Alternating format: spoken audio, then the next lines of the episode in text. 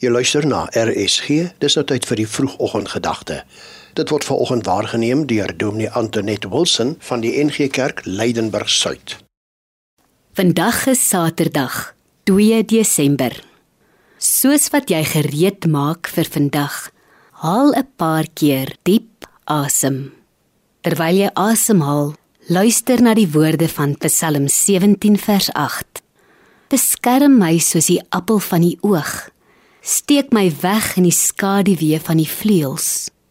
Verwonder jou daaroor dat jy vandag met al jou gedagtes, jou gewoontes, jou drome en vrese by die Here kan wegkruip.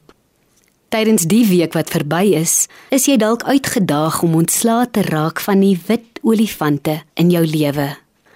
Dis nou daardie uitgediende, energietappende gewoontes en gedagtepatrone wat jou binnewêreld vervlenter.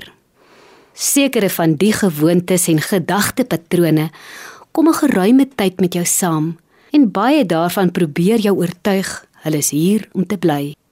Die goeie nuus is, dis nie so nie. Paulus skryf in Filippense 3 vers 13 en 14: Maar een ding doen ek, Ek maak my los van wat agter is en strek my uit na wat voor is. Ek span my in om by die wenstreep te kom sodat ek die hemelse prys kan behaal waartoe God my geroep het in Christus Jesus.